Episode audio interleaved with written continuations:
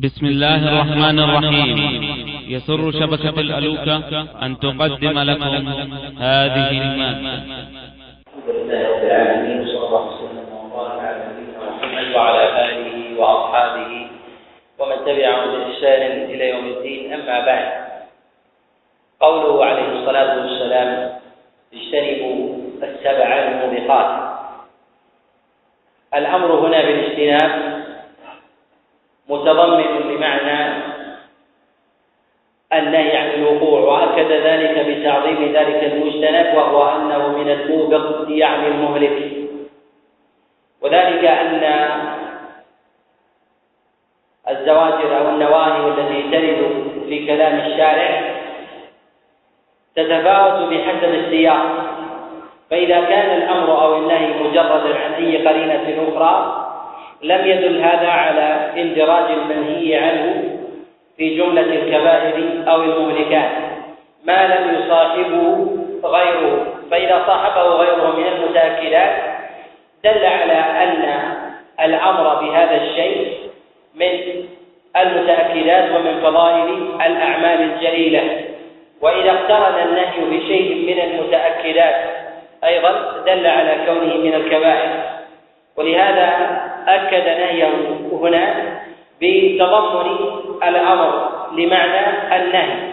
فاقترن هنا النهي بالأمر بالترك وهذا آكد الأوامر. واقترن أيضا بقرينة أخرى وهي وصف المتروك بوصف مجمل ثم فصله على أنواعه بقوله سبع موبقات والمراد بالموبقات هي هي المهلكات التي تودي بالإنسان وتورده الموارد. نعم. قالوا يا رسول الله قال الشرك بالله والسلف. النفس قال عليه الصلاة والسلام الشرك بالله والإشراك مع الله عز وجل غيره هو أعظم الذنوب على الإطلاق. وذلك أن الله خصه بخصيصة ليست لغير هذا الذنب سائر الذنوب وهو أن من وقع فيه لا يكفر الله عز وجل له ذنبه حتى حتى يتوب. ولا يأتي على ذلك سائر المكفرات. ومعلوم أن المكفرات التي تكفر الذنوب هي التوبة توبة الإنسان ومبادرته بالإستغفار والإنابة والرجوع إلى الله. ومنها أيضا الحسنات التي تكفر السيئات كما هو ظاهر في قوله جل وعلا وأقم الصلاة طرفي النهار وزلفا من الليل إن الحسنات يذهبن السيئات. ومنها ما يلحق الإنسان من الأمراض والأوصاف والهموم والغموم. فإن الله عز وجل يكفر له بقدر ما يلحقه ما يلحقه من ذلك إن كان من الصابرين. ومن ذلك دعوة غيره له. ومن ذلك ما يلحقه بالغضب والفتنة وكذلك من العرض. على الله عز وجل وشدة ذلك فكل ذلك لكمال عدل الله عز وجل بحقه من من التكفير. وهذا يأتي على الذنوب على اختلاف في ورودها على الكبائر. ولكن العلماء قد اتفقوا على أنه لا يرد عن الإشراك مع الله عز وجل غيره إلا التوبة والاستغفار. فإذا تاب الإنسان من الشرك وأناب وكان صادقا في توبته فإن الله عز وجل يغفر له ذنبه. وأما لو أكثر من الطاعات فإنه يقال أن الوصل بينه وبين الله مقطوع ويجب عليه أن يتوب. ولو أكثر من العبادات لا يكفر الله عز وجل له الإشراك معه غيره واختلف العلماء في اندراج الشرك الأصغر في هذا ومنهم من أخذ بالعموم في ظاهر قول الله جل وعلا إن الله لا يغفر أن يشرك به ويغفر ما دون ذلك لمن يشاء. قالوا هذا عام ويشمل الشرك بجميع أنواعه. والصواب أن الشرك إذا ذكر في كلام الله ورد على هذا اللفظ فإنه ينصرف إلى ينصرف إلى الشرك الأكبر المخرج من الملة.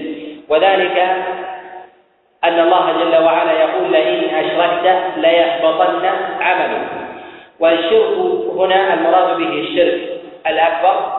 وإذا أدخلنا في ذلك الشرك الأصغر فإننا نقول أن الإنسان بمجرد إشراكه مع الله ولو في الشرك الأصغر أن ذلك محبط لعمله بالكلية ولا يقول أحد من أهل من أهل الحق في هذه المسألة على هذا المعنى. وإنما يحملونه هنا على الشرك الأكبر.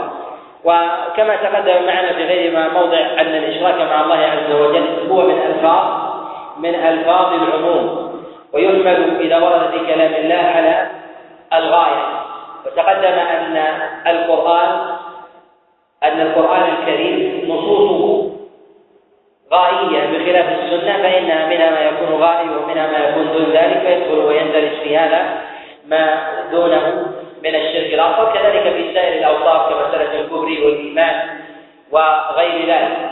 والإشراك مع الله عز وجل هو أعظم الذنوب على الإطلاق وهو أعلى الظلم وأكبره. ولهذا وصف الله عز وجل من أشرك معه غيره بالظلم والكفر والفسق وغير ذلك. فمن أشرك مع الله عز وجل غيره عود ظالما لم يتحقق فيه وصف العدل على الإطلاق لأن كمال العدل هو أن يعدل الإنسان مع خالقه. فإذا كان جائرا مع خالقه فمع المخلوقين من باب من باب أولى. ولهذا قال الله سبحانه وتعالى في كتابه العظيم الذين آمنوا ولم يلبسوا إيمانهم بظلم أولئك لهم الأمن وهم مهتدون. قد روى البخاري ومسلم من حديث عبد الله بن مسعود قال لما نزلت هذه الآية شق ذلك على أصحاب رسول الله صلى الله عليه وسلم فقالوا أينا لم يظلم نفسه؟ فقال رسول الله صلى الله عليه وسلم إنه ليس كما تظنون إن الظلم هو الشرك. أولم تسمعوا لقول العبد الصالح لابنه يا بني لا تشرك بالله إن الشرك لظلم عظيم. والشرك المراد به نفي الأمنة بجميع أنواعها يوم القيامة. المراد به هو الإشراك مع الله عز وجل. فمن أشرك مع الله عز وجل غيره لم يتحقق فيه الأمان يوم القيامة. وقال بعض العلماء أن المراد بالظلم في هذه الآية هو سائر أنواع المظالم.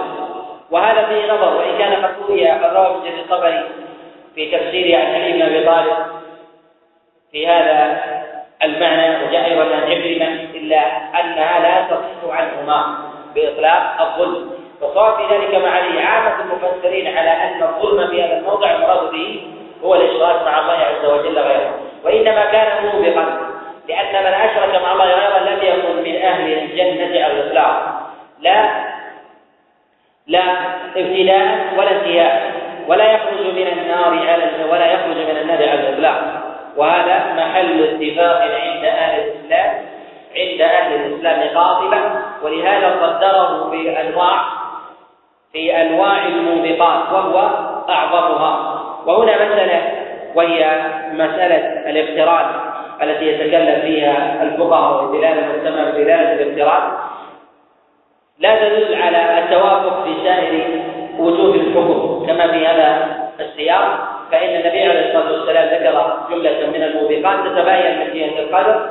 وإن كانت داخلة في وإن كانت داخلة داخلة في الكبائر إلا أنها تتباين من جهة الدرجة فأعظم الإشراك مع الله عز وجل غيره يخرج الإنسان من الإيمان ويلحق بذلك الشرك ويلحق بذلك السحر. وما جاء بعد ذلك فإنه من كبائر من كبائر الذنوب عند عامة العلماء. والسحر سمي سحرا لأنه يخفى ولا يرى الإنسان حقيقته.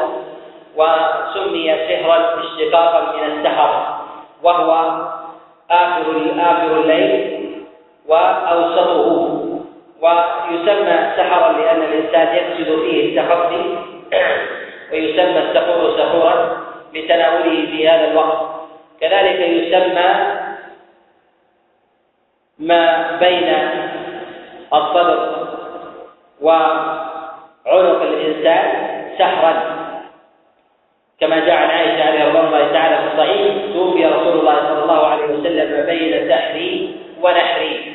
والمراد بهذا النبي عليه الصلاة والسلام كان رأسه في هذا الموضع حينما اختاره الله جل وعلا جل وعلا إليه. وذلك أن هذا الموضع من الجسد يسمى سحرا لأنه يخفى ولا يرى ولا يرى. فتحجبه المرأة ولا يرى كذلك من ولا يرى كذلك من الرجل. كذلك أيضا بالنسبة للسحر. فإنه لا يرى له حقيقة على الأغلب وإن كان يرى أثره فله أثر من جهة من جهة وقوعه على الإنسان. أما من جهة ذاته فالإنسان لا يرى لا يرى حقيقته واختلف العلماء في مسألة حقيقته ومسألة تعلم السحر وعمله. في من جهة التباين في المرتبة هل كلها تدخل في الكفر أم بعضها. من تعلم السحر ليفعله فهو كافر خارج من الملة. وهذا ظاهر في قول الله جل وعلا وما يعلمان من أحد حتى يقولا إنما نحن فتنة فلا تكفر وهذا دليل على كفر من تعلم السحر ليطبقه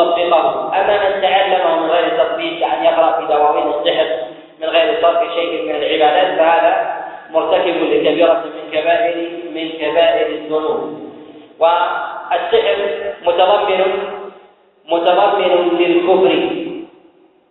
ولا يمكن أن يصل إليه الإنسان إلا إلا وقد وقع في الكفر. كأن يصرف شيئا لغير الله. من الجن والشياطين. كأن يذبح له أو يسجد للمردة أو أن يستعيد وأن يلتجئ بهم فهذا كفر مخرج من الملة وإما أن يؤمن بقدرتهم على تلك الخوارق على سبيل الاستغلال فإن هذا من الكفر أيضا فإن في ذلك منازعة لله جل وعلا في حقه. وهذه أسباب موجبة على سبيل الانفراد على كفر السحرة ومن تعلم السحر على هذا النحو. وقتل النفس هو من الكبائر. باتفاق العلماء ولا خلاف في ذلك. وهو مقيد بالذي حرم الله إلا بالحق فقتل النفس وإيثاقها من الموبقات ومن الكبائر. والمراد بالنفس هنا هي إزهاق النفس المعصومة لبني آدم ويخرج من ذلك إزهاق النفوس التي حرمت من غير بني آدم كتحريم أكل كتحريم صيد ما لا يأكله الإنسان. فإنه من الأنفس التي التي يطلق عليها في لغة العرب كذلك في اصطلاح الشارع نفسا إلا أنها لا تدخل في هذا العموم بالاتفاق. التي حرم الله إلا بالحق. وهذا ظاهر كما في الصحيح حديث عبد الله بن مسعود.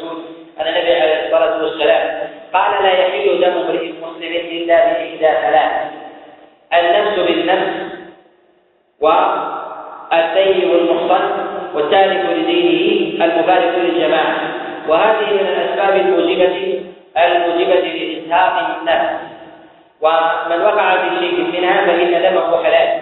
ويلحق هذا جملة من الأحكام التعزيرية التي التي تكلم فيها العلماء كمسألة قتل شارب الخمر والمسر في الأرض وكذلك ضروب الحرابة وتكرار السرقة تعزيرا وردعا لمن وقع في ذلك. وهذا مما هو مستثنى في هذا الباب لنصوص عامة قد دل الدليل على أصلها وكذلك ما جرى عليه عمل السلف من الخلفاء الراشدين وأصحاب رسول الله صلى الله عليه وسلم وأئمة الإسلام في من؟ في من جاء بعدهم. وأكل الربا اليتيم. قال وأكل الربا وأكل الربا ملعون وقد لعنه رسول الله صلى الله عليه وسلم في قوله لعن الله آكل الربا وموكله الخبر وهو في الصحيح. وآكل الربا وأعظم من أعظم من السرقة.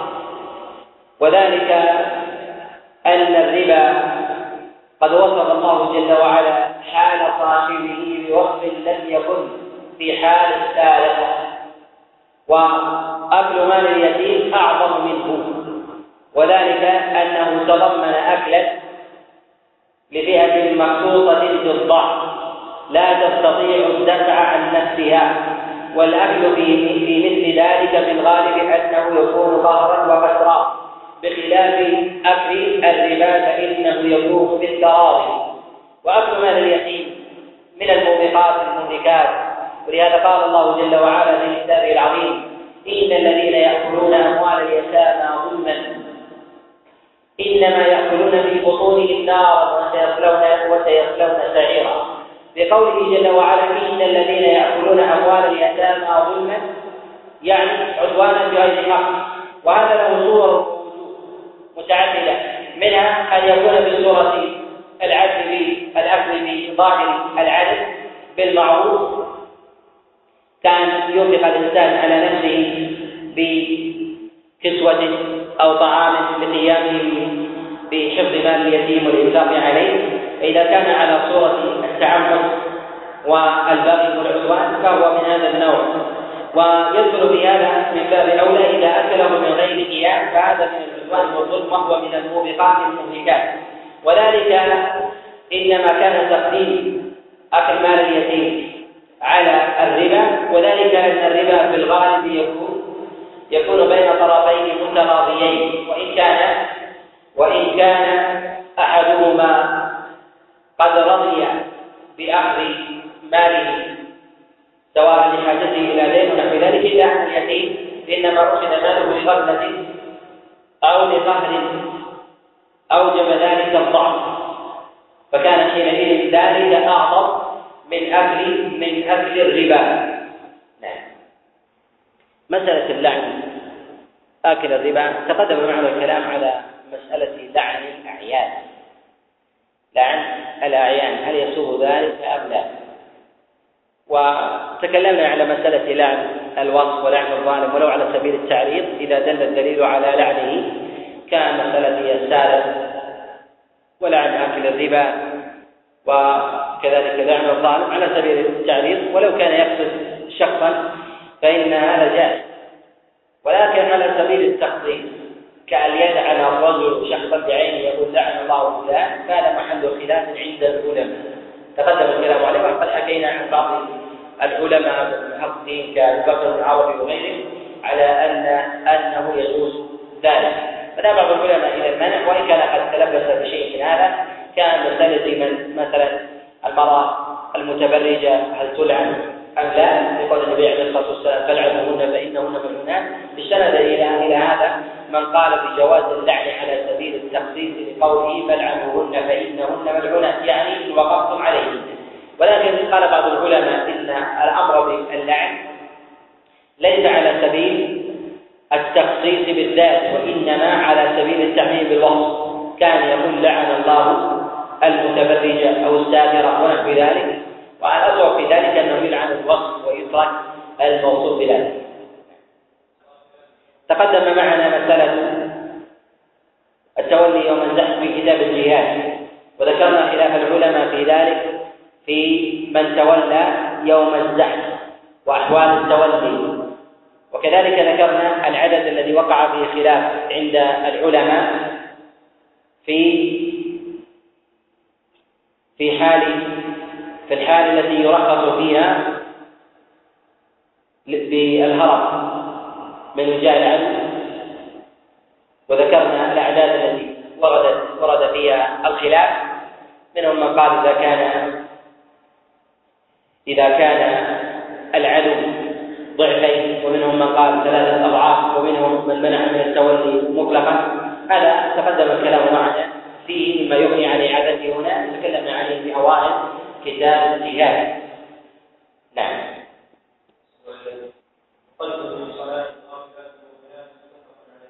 يقول هنا وقذف المحصنات.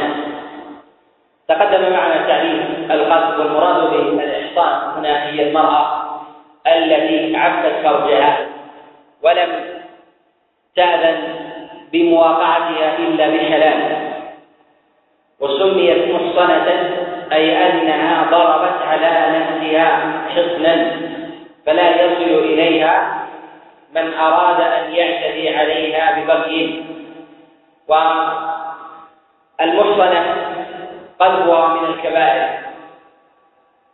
وهذا محل اتفاق عند العلماء. وتقدم أنه سمي قلبا تشبيها بالرمي بالحجر لأن فيه أذية للنفس تشابه أذية البدن بل ربما بل ربما تفوق ذلك. وهذا محل اتفاق عند العلماء أنه من كبائر من كبائر الذنوب ومن الموبقات. والقذف إنما خصص بالمحصنات لشدته على المرأة أكثر من الرجل وإلا قد أجمع العلماء على أن ذلك عام للرجال والنساء.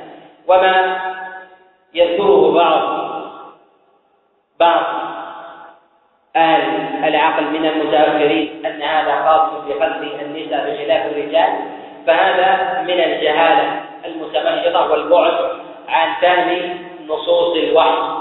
وإنما خصت النساء بالنص هنا وفي كلام الله جل وعلا الذين يرمون المحصنات ثم لم يأتوا بأربعة شهداء.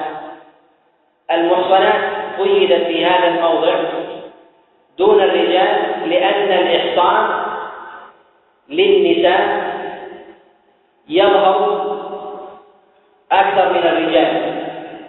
كذلك أيضا فإن مغبة الوقوع بالفاحشة أثرها على المرأة أعظم من أثرها على الرجل فاستحق ذلك تغليظا وردعا ثم أن قذف المرأة يلزم منه التعدي بخلاف الرجل فإنه في الغالب وذلك أن المرأة إذا قذفت يتعدى ذلك إلى زوجها ويتعدى ذلك إلى ابن لها. فربما شكك في نسب أبنائه بخلاف الرجل لو وقع أو اتهم في زنا فإن اتهامه أو قذفه بالزنا فالغالب أنه يكون من اللازمات ولا يتعدى إليه فإذا قذف رجل فيه لا تلحق أباه المعرة في الأغلب بخلاف المرأة تلحق أباها وأخاها وابنها وغير ذلك ولهذا شدد فيه وجاء النص على النساء من باب من باب السبيل. ويدخل ويدخل في ذلك الرجال باتفاق العلماء. وقد حكى إجماع العلماء على ذلك غير واحد كابن المنذر وابن عبد البر وكذلك ابن قدامة وغيرهم من من العلماء. ولا خلاف في هذه ولا خلاف في هذه المسألة. والإحصان هنا متقيد بمن اشترط فيه أهل العلم الإحصان وشروط الإحصان أولها الإسلام. وتقدم معنا الكلام على مسألة المشرك هل هو محصن أم لا؟ الشرك من وقع فيه فليس فليس بمحصن عند عامة العلماء. قد أشار إلى هذا غير واحد من العلماء فقال ابن عبد البر فقال ابن المنذر عليه رحمة الله كما في كتاب الأوسط قال ذهب عامة العلماء على أن من قذف مشركا أنه لا يحد القذف ولم يقل أحد ممن لقيته خلاف خلاف ذلك. وإن كان قد ذهب بعض السلف إلى خلاف هذا القول إلا أن هذا القول هو الصواب ويستدل بما رواه البيهقي وغيره من حديث إسحاق ابن إبراهيم الحنظلي عن عبد العزيز ابن محمد ابن أبي روان عن عبيد الله عن نافع عن عبد الله بن عمر أنه قال من أشرك بالله فليس بمحصن وجاء هذا الخبر مرفوعا موقوفا قد رواه إسحاق بن راهويه تارة مرفوعا وتارة موقوفا والصواب في ذلك الوقت. صوبه غير واحد من الحفاظ كدار قطني وكذلك البيهقي وغيره وتقدم الإشارة إليه وجاء أيضا مقطوعا على نافع مولى عبد الله بن عمر والصواب ذلك في ذلك أنه من قول من قول عبد الله بن عمر.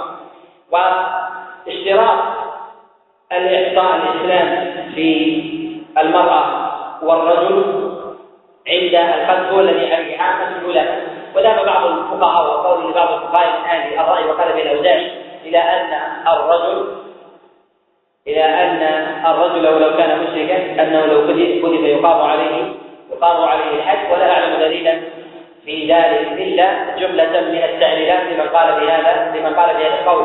وإلا عامة العلماء على أن الرجل لو قدم مشركا أنه لا يجب عليه لا يجب عليه في ذلك الحج. جزم بذلك مالك وأحمد والشافعي ورواية عن أبي حنيفة وقال في أصحابه كمحمد الحسن وأبو يوسف وزبر وغيرهم. وغيرهم من من العلماء على أن على أن المشرك ليس ليس بمحصن ومن شروط الإحصان العقل. والمراد بالعقل أن يكون منتفي منتفي عنه الجنون أو تمام تمام السبب ويسمى تمام السبب المعتوب بخلاف سيء التصرف فإنه يسمى سفيها في أبواب الأموال. ولهذا قال الله جل وعلا في كتابه العظيم ولا تؤتوا السفهاء أموالكم. والمراد بذلك هم الذين لا يحسنون التصرف. وهو في هذا الباب خارج عن ذلك الوصف وإنما المراد به من كان تمام فيه تمام السبع أو أو العتو ولكنه ولكنه ليس بمجنون. وذلك أن قذف المجنون أن قذف المجنون ينتفي معه حق المطالبة. ينتفي ذلك حق المطالبة. ولوليه أن يطالب أن يطالب بالتعزير ومعلوم أن حق المجنون في ماله يرجع إلى وليه وفي عرضه في أبواب الحدود يرجع إلى وليه كذلك. وفي إقامة الحدود يلزم من ذلك إنابة ومطالبة المقدور ولا يتحقق هذا في هذا الموضع ولا يتصور وإذا قذف رجل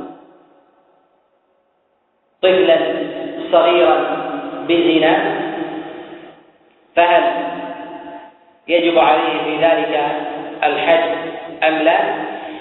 أولا قد اشترط العلماء من شروط المقذوف أن يكون أن يكون مثله يطأ كذلك أيضا بالنسبة للجارية أن يكون مثلها يوطأ وهذا موضوع الخلاف عند العلماء. ذهب جماعة من الفقهاء وهو قول الإمام مالك عليه رحمة الله إلى أن من قذف جارية مثلها يوطأ ولو كانت غير بالغة قالوا فإنه يجب, يجب في ذلك الحد. وذهب جماعة من الفقهاء وقول كثير من الفقهاء من الشافعية إلى أنه لا يجب في ذلك لا يجب في ذلك الحد ومن شروط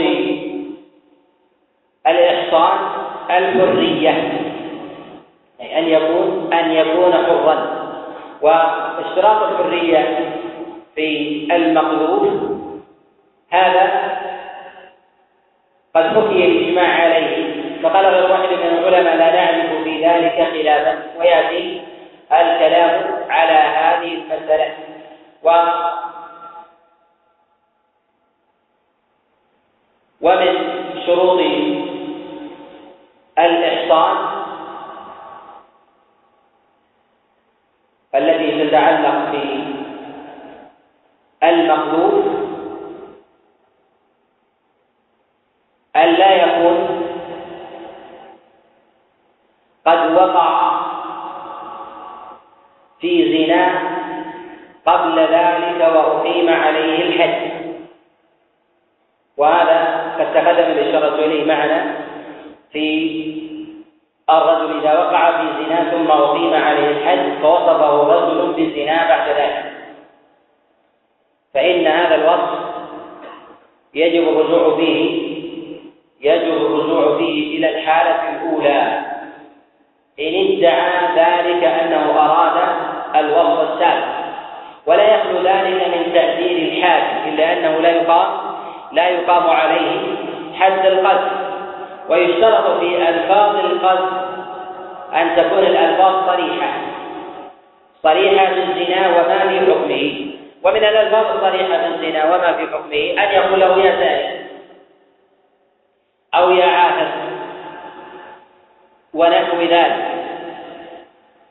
وهل يدخل في هذا القذف باللوطية؟ كان يقول يا لوطي. أو يدعي شخص على رجل أنه يجامع امرأته في دبرها فهل يدخل هذا فيه أم لا؟ أولا مسألة القذف اللطية قد اختلف العلماء في هذا.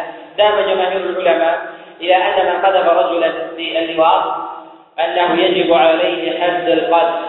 ذهب إلى هذا الإمام أحمد ومالك والشافعي ذهب إليه محمد بن حسن وأبو يوسف وزفر من أصحاب أبي حنيفة وذهب إليه عامة عامة الفقهاء من التابعين وذهب جماعة من الفقهاء من السلف وقال عطاء وقتادة وقال به أبو حنيفة إلى أنه لا يجب عليه في ذلك حد القذف وإنما يعذر فإذا تقرر ذلك فإنهم يقولون في من في من ادعت على زوجها أنه يطوى في دبرها أن هذا ليس ليس من القذف وأنه يدخل في أبواب التعزيز. ووصف المرأة في دبرها أهون من وصف الرجل بالرجل باتفاق العلماء وأهون من وصف الرجل للمرأة الأجنبية في دبرها وهذا محل اتفاق. ووصف الرجل للرجل في دبره ووصف الرجل الأجنبية في دبرها هو داخل تحت لفظ اللواط. وعلى الخلاف السابق مندرج فيه.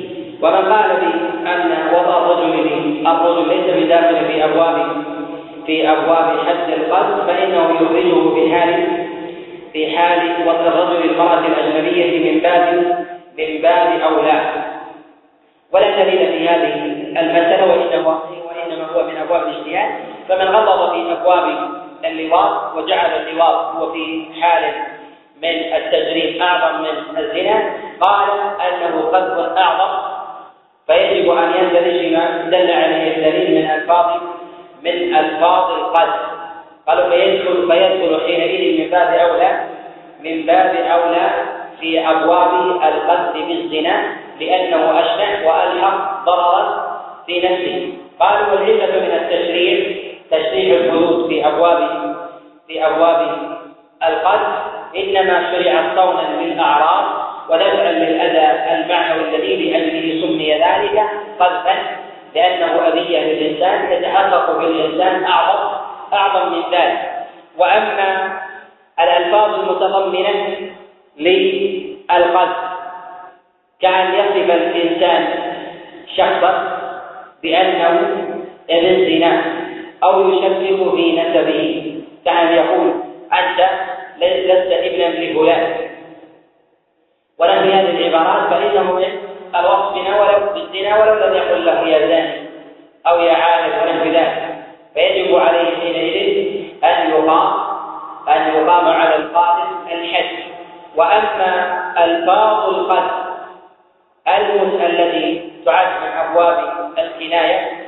فإنها لا تخلو في نظري من حالين الحالة الأولى تعريض يلحق في عرف الناس بالصريح.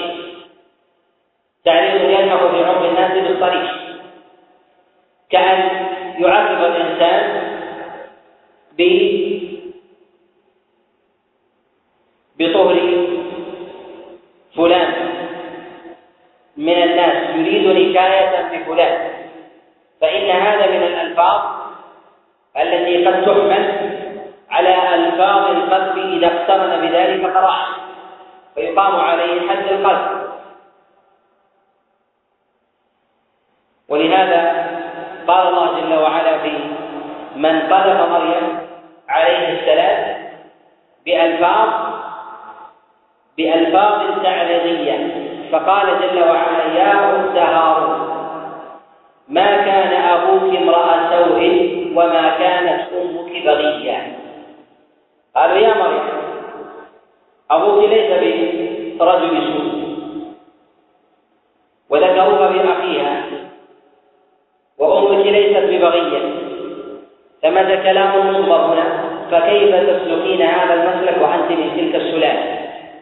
وهذا من التعريف. من التعريف الذي ألزمهم الله جل وعلا به في ذلك أنهم قالوا قولا شريعة فاستحقوا في ذلك اللعن والمقت والكفر. ويلحق في هذا أيضا إذا وصف الإنسان الشخص بوصف سابق له يريد إيذاءه بحادث عهده كأن يقول كنت رجلا شريفا أو كنت رجلا طاهرا. يعني يريد أنك وقعت الزنا فإذا تم بذلك فإن هذا يلحق يلحق بالصريح والثاني ما كان من ألفاظ التعريض لكنه لكنه لا يلحق بالقرائن. بالصريح فلا يقام عليه حينئذ فلا يقام عليه حينئذ الحد كأن يقول الرجل لشخص رأيت فلانا ونحو ذلك كأن يصف له امرأة يشير بذلك إلى قذفه بها. وهذا من التعريض الذي لا يلزم منه لا يلزم منه القذف فيقال حينئذ أنه له في ذلك حق التعزيز لتعريضه به. أو كأن يقول إنك تحب فلان أو فلانة تحبك ولو كانت فلانة محصنة متزوجة فإن هذا يكون من ألفاظ من ألفاظ التعريض التي لا يجب فيها لا يجب فيها الحد. وأما القادم فلا يشترط فيه الإسلام. وأما القادم فلا يشترط فيه الإسلام باتفاق العلماء بخلاف المحدود. فلو كان كافرا وجب إقامة الحد عليه بإجماع العلماء حكى إجماع العلماء على ذلك ابن المنذر وكذلك القرطبي وابن قدامة وغيرهم على أن اليهودي لو قذف مسلما أنه يجب على على ولي الأمر إن طالب المقذوف أن يقام عليه أن يقام عليه الحد. وأما العكس كما تقدم إذا قذف المسلم كافرا. تقدم معنا أن الأصل في ذلك أنه لا يقام عليه لا يقام عليه الحد. يستثنى من ذلك الصور إذا كانت الأذية تتعدى تتعدى تتعدى إلى مسلم. كأن يقذف الرجل نصرانية زوجها مسلم. فإن هذا يتضمن طعنا في عرض في عرض المسلم. فإنه له حق المطالبة ولا حق المطالبة بإقامة الحد الحد عليه. أو يكون لهذه المرأة ابن مسلم. فإذا كان لها ابن مسلم فالصحيح في ذلك أن الحد أو الأذية متعدية إلى مسلم فيقام في ذلك الحد وبعض العلماء قالوا أنه لا يقام في ذلك الحد وإنما هو من أبواب التعليم. ولولي الأمر فلولي الأمر أن يؤدب الذي يظهر والله أعلم أن هذا أقرب إلحاقا في أبواب في أبواب حد القتل من أبواب التعذيب وأما حد القذف فتقدم الإشارة على سبيل الإجمال أنه حق لي حق للمقذوف. وقد اختلف العلماء عليهم رحمة الله في حد القذف هل هو حد هل هو حد من حقوق المقذوف أو من حقوق الله عز وجل المحضة أو أنها متنازعة بين هذا وهذا. فذهب جمهور العلماء على أنه حد لي حد للمقذوف. وذهب إلى هذا الإمام الشافعي ومالك والإمام أحمد وجماهير السلف. وهو الصواب وذهب أبو حنيفة إلى أنه من حقوق الله جل وعلا. ومن ثمار هذا الخلاف يعرف جملة من فروع المسائل التي يتكلم عليها العلماء.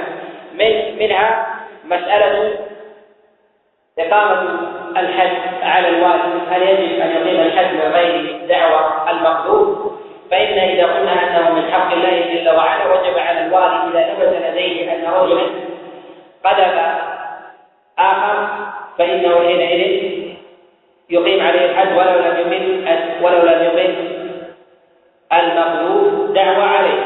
ومنها أيضا أنها تدخل في في دائرة في دائرة الحسبة العامة. وذلك أن الرجل إذا رأى غيره يقذف يقذف آخر. فإنه إذا قلنا أنه من حق الله عز وجل ساغ وجاز أن أن أن يحتسب المسلمون بتأديبه وإقامة الحد عليه عند ولي الأمر. وفي فروعها أيضا أنه إذا كان من حقوق الله جل وعلا المحضر ورفع إلى الوالي أن تنازل المقلوب لا أثر له لا أثر له في هذه المسألة وأنه حتى وإن تنازل لا يقال بسقوط الحد الحد على القاتل.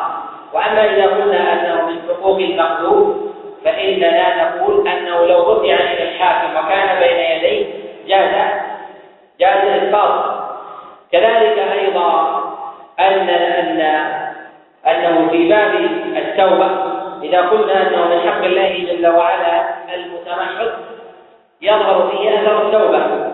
فإن الإنسان إذا تاب من قلبه يسقط ذلك الحد عنه إذا كان من حق الله فتاب قبل القدرة عليه. وأما إذا كان من حق الآدميين فإنه لا أثر للتوبة ولو تاب قبل إقامة الدعوة عليه. فلو ادعى شخص على غيره أنه قذفه ثم ثبت أنه تاب بعد قذفه وقبل وقبل إقامة الدعوة. فإننا إذا قلنا أنه من حقوق الله جل وعلا المحضر فإن التوبة لها فائدة هنا. وإذا قلنا أنه من حق المخلوق قلنا أنه لا أثر للتوبة هنا من جهة إسقاط الحد ولا أثر فيه من جهة إسقاط من جهة إسقاط الإثم نعم.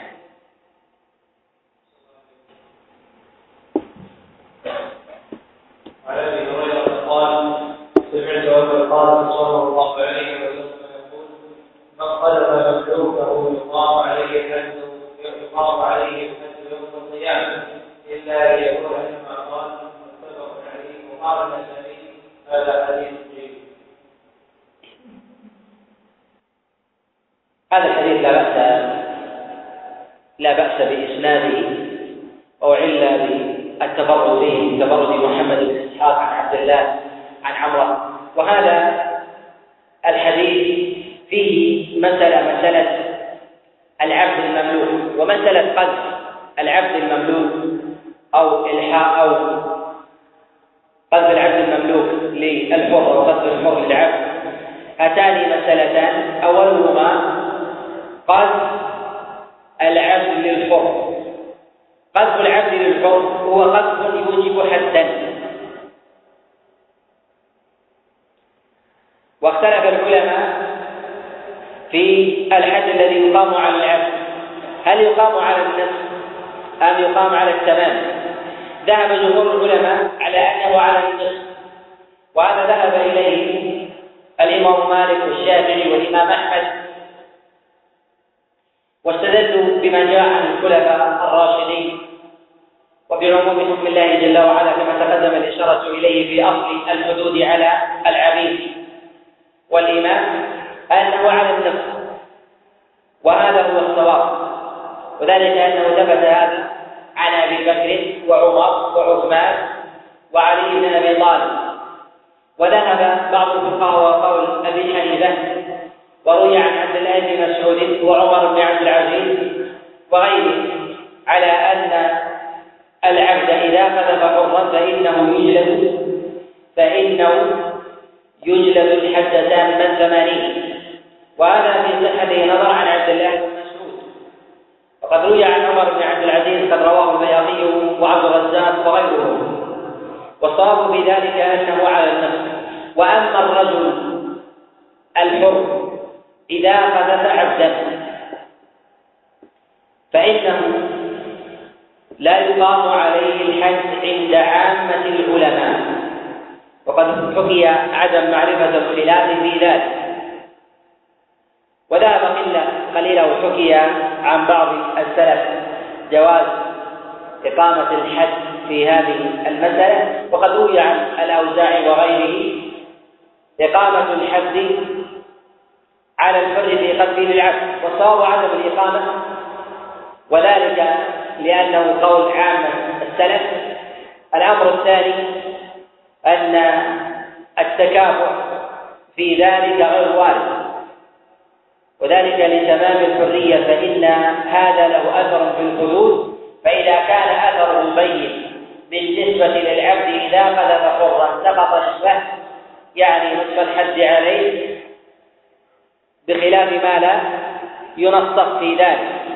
والأمر الثاني فإن هذا كما أنه يسقط على الحر إذا قذف عبدا كذلك أيضا بالنسبة للعبد إذا قذف حرا في حال الإحصان إذا أحسن العبد. وكذلك إذا قذف العبد حرا فإنه على النصف والفقهاء يعملون ذلك في الحالين فيقولون إذا قذف الحر عبدا لا يجب على لا يجب على الوالي أن يقيم عليه الحد. إلا إذا كان في ذلك من الضرر المتعدي على غيره. كأن يكون العبد قد تزوج بحرة أو تكون الأمة قد تزوجت بحر. فبعض الفقهاء قالوا بجواز إقامة أو بوجوب إقامة الحد كما تقدم في مسألة من قذف كتابية قد تزوجها مسلم أو لها ابن مسلم قالوا لأن الضرر في ذلك متعدي واشترك في العلة فوجب حينئذ إقامة الحد وهذا محتمل أن من جهة الإطلاق فإنه لا يقام الحد على الفر إذا قذف العبد عدم التكافؤ وإذا ولأن المسألة فيها شبه اتفاق وإجماع على السلف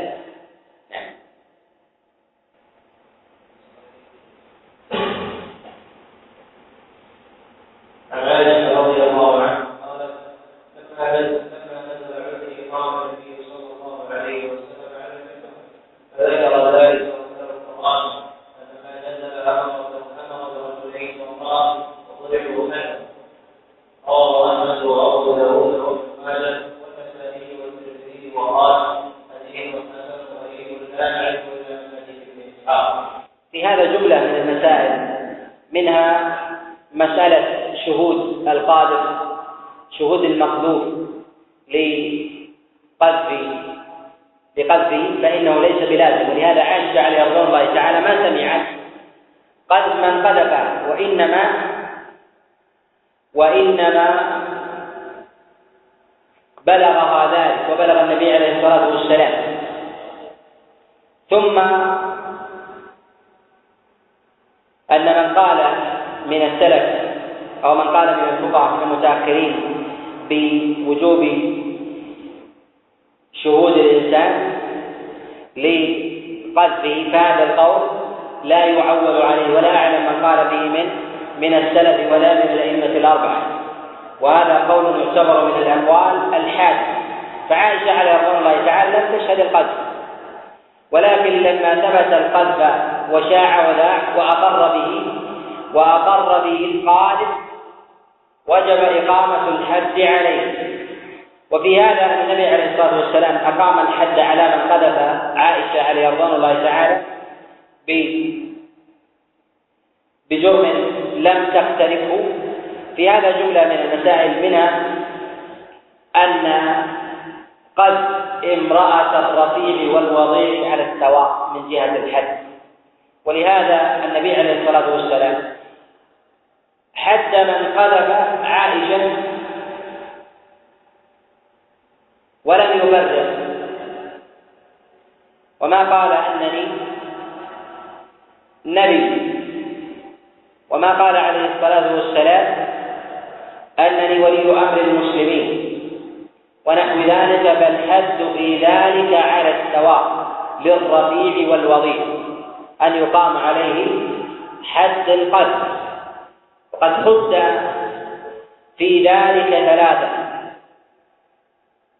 رجلان وامرأة. والمرأة هي حمنة بنت جحش. أخت زينب. عليهن رضوان الله تعالى. وقد جرى على هذا الخلفاء الراشدين الأربعة في اتحاد الرجال والنساء في أمور القتل. ومن المسائل التي يؤخذ منها في ذلك أن الرجل إذا تضرر من قتل زوجته جاز له أن يقيم دعوى وأن يطالب وإن لم تقم بذلك الزوجه فعائشة عليه رضوان الله تعالى تهدد ولكن لم يظهر من ذلك مطالبة. فأقام النبي عليه الصلاة والسلام على سبيل النيابة من جهتين النيابة العامة على المؤمنين الأمر الثاني النيابة عن زوجته عائشة. للحوق الضرر به عليه الصلاة والسلام. ومن المسائل في ذلك أن حد القذف أن الإنسان لو قذف غيره يقام عليه الحد إلا إذا ثبتت البينة كان لديه بينة فجاء بأربعة شهداء أو أقر المقذوف بفعله للفاحشة فإذا أقر فإنه فإنه يسقط كذلك كما أنه إذا جاء إذا جاء ببينة. ويسقط أيضا إذا قذف الرجل امرأته. فهذا يكون من أبواب اللعان كما تقدم كما تقدم الكلام عليه. ويخرج من هذا ما استثني من من أحوال القاذف والمقذوف كما تقدم في مسألة الحد والعبد ومسألة المؤمن والكافر. وكذلك أيضا في حال من قذف رجل قد وقع في الزنا وأقيم الحد. الحد عليه فإن هذا مما مما يستثنى. نعم. مسألة قذف الصغير الذي لا يضع مثله وكذلك الجارية أنه التي التي لا يضع مثلها أنه لا يقام عليه الحد وإنما يؤدب. وذلك لأمور الأمر الأول أن قذف الصغير لا يتحقق معه الأذية. كما يتحقق في الكبير فإن الأمر غير متصور. كأن يقذف الرجل طفلا رضيعا أو أو مميز مثله لا يجاز. فهذا الأذية عند الناس وفي نفسه منتفية فلو جاء رجل فقال لصبي عمره سبع سنوات أو ثمان سنوات أو تسع سنوات أو لجارية في مهدها أو رضيعة في الحولين أو أكبر من ذلك بزنا فإن هذا لا يتصور وعليه يقال أن هذا أن هذا من اللغو. ولكن يؤدب الإنسان ويدخل في في أبواب التعذيب. أما إذا كانت الجارية يوطى والغلام مثله يطع فإن هذا يدخل في أبواب في أبواب القذف ويقام ويقام عليه الحد على الصحيح من أقوال العلماء نعم كيف؟ ولا يخلو إما أن تكون هذه المرأة قد أقرت على نفسها بالعهر والمجون أو ما كان متضمنا لذلك كأن لا ترى في العلاقات بينها وبين الرجال بأسا العلاقات المحرمة لا ترى بذلك بأسا أو عرف من هذه المرأة هدما لما علم من الإسلام بالضرورة من أبواب الأخلاق. كان تقول المرأة الخلوة لا يوجد شيء ما خلوة عقله برجل. لا بأس بذلك. هذه تغلب ولا كرامة. ما أنكرت معلوما من الدين بالضرورة في أبواب الأخلاق ك كمسألة ستر المرأة على خلاف العلماء في مسائله. كأن تقول المرأة الحجاب ليس من الدين وإنما من العادات. و ومن حرية المرأة الخاصة. تفعله أو لا تفعله. هذا مما يلزم منه أنها أقرت. ولو لم تتلفظ بالزنا صراحة لأن هذا من أعظم لوازمه. وذلك أن إنكار الحجاب بجميع وجوهه وعدم جعله من الدين كفر. كأن تقول المرأة هذا من التقاليد والعادات لا يوجد شيء من الدين. المرأة تلبس ما تشاء كفر وليس كذلك أن تقول المرأة الخلوة جاهزة أكل كما أشاء بالرجال. فإن هذا فإن المرأة التي تقول هذا الكلام وصفها بشيء من أوصاف القذف إذا كانت تجاه ذلك من الجائز من الجائز إلا أن الأصل العام في الشريعة أن الإنسان ينزه لفظه ومنطوقه من من ألفاظ من ألفاظ السوء إلا عند الحاجة نعم. سواء. يقول هنا من قذف أهل بلد بزنا أو أهل حي كأن أو قبيلة. والقبيلة الفلانية زنا أو البلد الفلاني زنا ونحو ذلك. إذا كان هذا على سبيل التعميم فإنه قد الزنا ويقام عليه الحد ولا يطلب منه ولا يطلب منه البينة ولا يطلب منه البينة وذلك إذا قال مثلا أهل بلدة كذا زنا. هذا لا يطلب منه البينة لأن إقامة البينة منه من المحال. وهذا عام لكل الأفراد. وأما إذا قال بعض أهل البلدة الفلانية زنا فإن هذا يطلب منه البينة لمن تحقق فيه الزنا في هذه البلدة. فإن البعض يشمل الاثنين والثلاثة والأربعة ونحو ذلك. فإذا أتى بالشهود ولو على واحد فإنه يسقط عنه حد القذف ويعذر لتعميمه أو ذكره في وصف البعض الذي الذي يوصف منه التكثير خاصة ويلبس منه التكثير خاصة بما يتعلق في البلدان أو القبائل ونحو ذلك. نعم. لا لا إلا بأس نعم. كيف؟ وتقدم أن أنه يشترط في ذلك الإسلام. يشترط يشترط الإسلام إلا إذا كان تعدى ذلك إلى مؤمن على الصور السابقة نعم نعم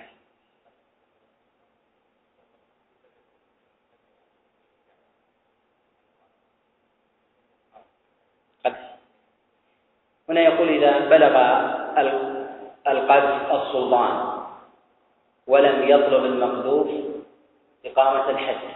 هذا فرع عن الخلاف الذي تقدم الإشارة إليه. هل هو من حق الله؟ يعني كان من حق الله؟